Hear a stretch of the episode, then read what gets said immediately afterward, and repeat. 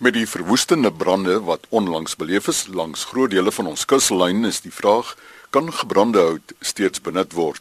En wat is die gevolge van brand in fynbos? Ons gesels daarom vanoggend telefonies met twee personeellede van die Nelson Mandela Universiteit se George Campus op Saasveld, Richard Miller, programkoördineerder hout tegnologie en Tian Pool programkoördineerder bosbou en veldbrandbestuur.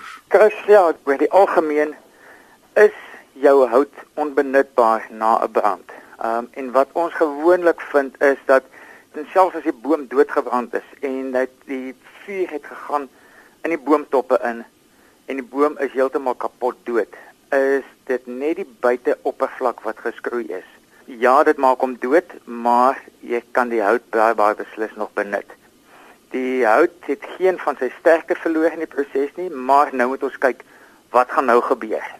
En wat ons vind as die boom dan nou staande bly, gaan dit baie vinnig wees dat 'n fungi en swamme wat hulle die die hout begin penetreer. Ons vind dit veral in die saphout gedeelte. Nou jou saphout gedeelte is daar buitenste ring van seker tot soveel as 10 cm in jou sagte houte in jou in jou dennebome. Dit is 'n ring van waar daar die water is, daar is ook um, baie opgeloste stowwe, stysels, glikose, suikers is daarin opgelos. En dit is nou natuurlik soos 'n uh, sjokoladekoek uh, vir jou swamme. En hulle sal baie baie vinnig begin intree. Eerste vorm van swam wat inkom is 'n ding wat ons noem blou verkleuring en dit verander slegs die kleur van die hout glad nie die sterkte van die hout beïnvloed nie, maar jou kleur word beïnvloed so as jy ons kyk na meubeltoepassings en waar die oppervlak estetika ter sprake is, is dit 'n groot invloed. Wat kommersieel gedoen word, die oomblik as 'n brand deur so 'n plantasie of 'n houtlot gegaan het, moet die hout maar so vinnig as moontlik die bome gevel word, uitgesleep word en dan word dit gehou in 'n ding wat hulle noem 'n natbank of 'n of 'n lokpond en dit bestaan uit of dat die hout in damme lê of poele. Die algemene ding is om dit onder sproeiers te hou. Nou dit is baie baie belangrik dat die hele totale oppervlak van die hout te alle tye moet nat bly. Behalwe dat die temperatuur bietjie laag is vind jy dat die suurstof nie inkom nie en jou voggehalte van jou hout bly dan baie baie hoog en jou swamme kan nie onder sulke toestande posvat nie. Wat tog wel gebeur is daar is 'n anaerobe bakterie wat inkom en interessant genoeg die hout eintlik verbeter in terme van die verbruiking van dit. Dit help baie baie met die deurlaatbaarheid van die hout om dit meer deurlaatbaar te maak. En ons vind dan die uiteindelik as die hout dan nou gedroog word, droog dit baie makliker en dit droog ook met minder oppervlaktebarste op die houtpreservering kant preserveer hy ook maklik as gevolg van die groter deurlaatbaarheid. Jy het 'n probleem met oneweredige absorpsie wat van oppervlak seelers.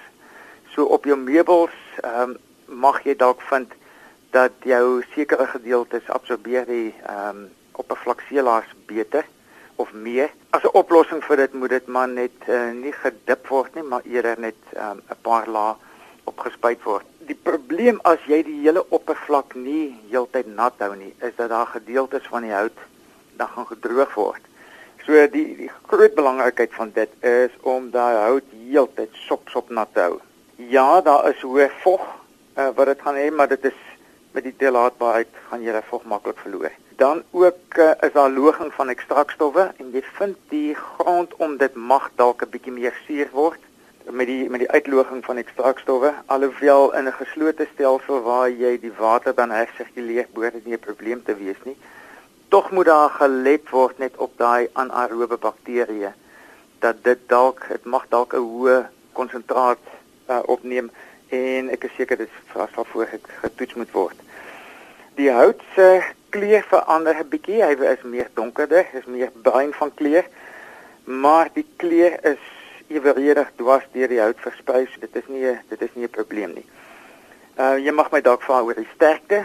Sterkte word oor 'n lang termyn gaan dit klein bietjie swakker word, maar as jy as ek nou praat van 'n lang termyn, daar is gevalle wat dit al soveel soos 8 na 10 jaar lank in so 'n nat bank gehou word en die die sterkte was uh, geen probleem nie. Wat jy vind daar aan aerobe bakterie mag die hout 'n bietjie reuk gee. Ja, as jy hom oopsaag onmiddellik dan het hy 'n stinkreuk en dalk uh, het ons weer 'n bietjie meer stinkhout in die omgewing van die Suid-Kaap. Jou groot probleem is kapitale uitleg. Jy sit met hout wat jy eers oor 'n klompie jaar jou geld gaan gaan terugkry. Maar dit is dit is nie die einde van die wêreld as jy hout afbrand hier dit kan net nie verder groei nie, maar jy gaan onmiddellik moet inspring. Ehm uh, Chris, ek gaan sommer my selfoonnommer gee, is 082 920 1834 082 920 1834 of hulle kan my e-pos by alhoewel my naam Richard is, is 'n gespelde Richard, so dit is richard.muller@nmmu.ac.za. Ek sal graag my foon vir jou wil gee vir Tiaan Pool, my kollega wat meer gaan praat oor die effek van veldbrande spesifiek tot die fynbos. Tiaan, fynbos natuurlik is 'n uh, baie belangrike plante groep of bioom soos wat ons dit ook uitdruk in die wêreld want dit is een van die ses plante koninkryke bestaan uit fynbos uit. En wat fynbos dan nog verder uniek maak is dat dit die die enigste bioom is wat binne die grense van een land voorkom. En die grootste gedeelte van die bioom kom in die Wes-Kaap voor. Ongeveer 7000 spesies, so dis 'n ongelooflike ryk biodiversiteit wat wat daar voorkom en die bewaringswaarde daarvan is is vreeslik hoog. Nou die mense wat bekend is met fynbos sal ook weet ons pragtige plante wat daar is, weet die die erikas, die proteas, die restioes, die uh, fynbosgrasse wat mense in hulle tuine ook plant vir versiering en so aan is wel bekend. Maar dit is ook so dat dat fynbos is 'n vuurgedrewe plantegemeenskap en as jy nie fynbos van tyd tot tyd brand nie, dan gaan jy van jou spesies verloor want die spesies is uniek aangepas om deur 'n suksessiefase te gaan van na vuur tot weer volwasse om die voortbestaan en die oorlewing van baie van die spesies te verseker.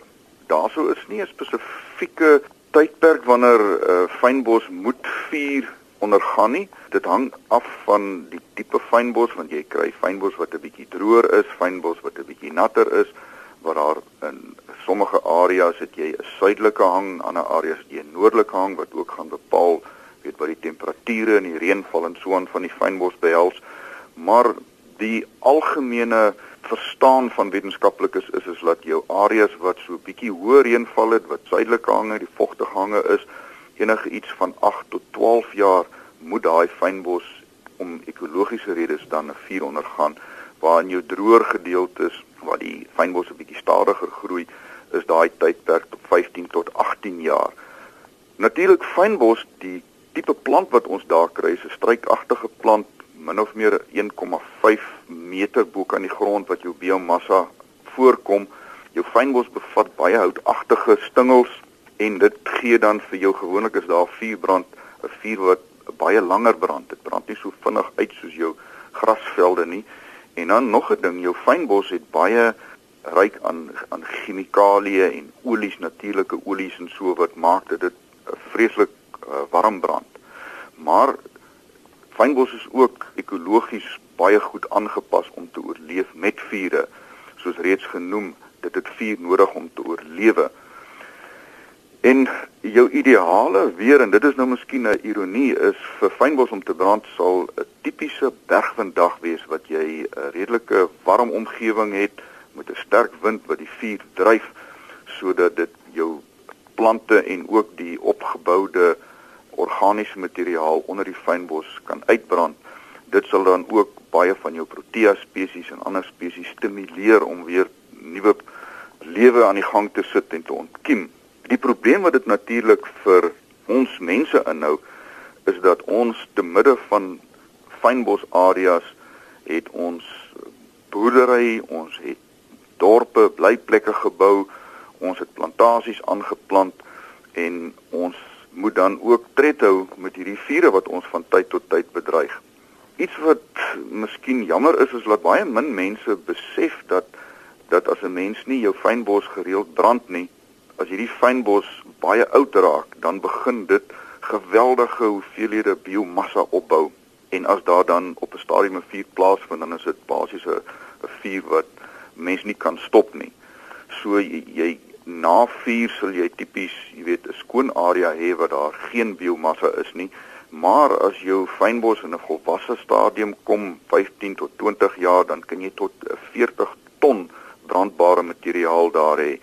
En hoe langer jy dan wag om daai area te brand, hoe groter is daai hoeveelheid brandbare materiaal wat jy dan aan die einde van die dag moet bestuur met vuur.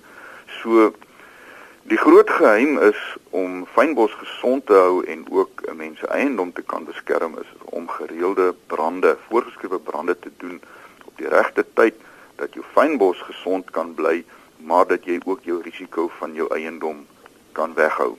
Ek dink dit wat die afgelope uh, paar dae gebeur het hierso in Nysna wat jy um, ek het die Engelse woord gebruik jou jou urban interface wat jou jou woonbuurt en jou natuurlike plante groei basies in een loop en baie van die huise blootgestel is. Dit is waar daar regtig 'n gevaar is vir mense wat wat bly so naby aan hierdie hoogs vlambare fynbos. Wat verder bydra tot hierdie probleem is 'n is 'n vreeslike groot hoeveelheid onkruid wat in die fynbos begin indring het vir al jou denne en uh myn insiens sal daar moet ernstiger gekyk word om fynbos beter te bestuur om ons indringerplante hok te slaan om hierdie berge van ons en hierdie fynbos areas van ons beter te bestuur om die brandstofladings af te kry en ook die ekologie van die fynbos te beskerm.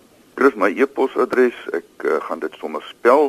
Dit is T I A N P O L @n m m u www.ac.za.